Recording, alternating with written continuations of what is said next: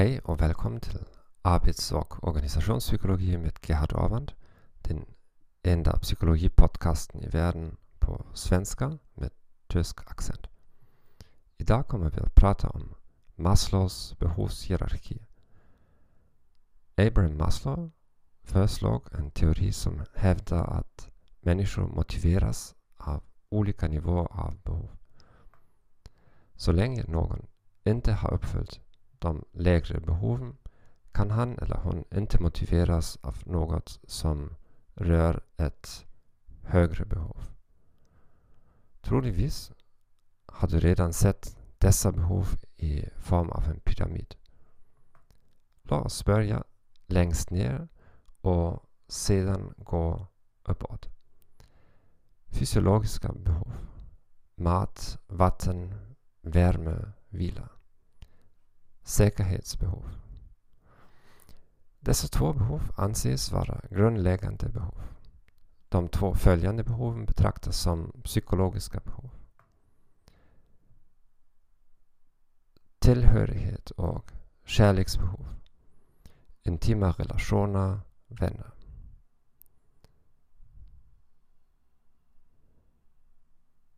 Känslomässiga behov som prestige och känsla av prestation. Behovet av den högsta ordningen är självförverkligande. Att uppnå sin fulla potential inklusive kreativa aktiviteter. Det finns mycket vetenskaplig kritik av teorin.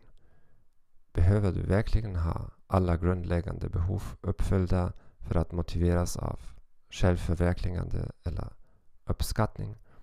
Finns det andra behov som inte beaktas i hans teori?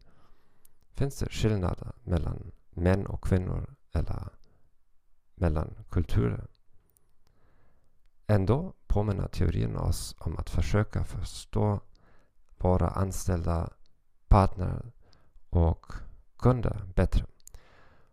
På vilken behovsnivå är de när vi har kontakt med dem och hur kan vi tillgodose deras individuella behov? Således kan varje teammedlem i ett arbetsgrupp vara på en annan nivå. Jag tackar dig för att du lyssnade på denna podcast. Jag önskar en trevlig dag och hej då.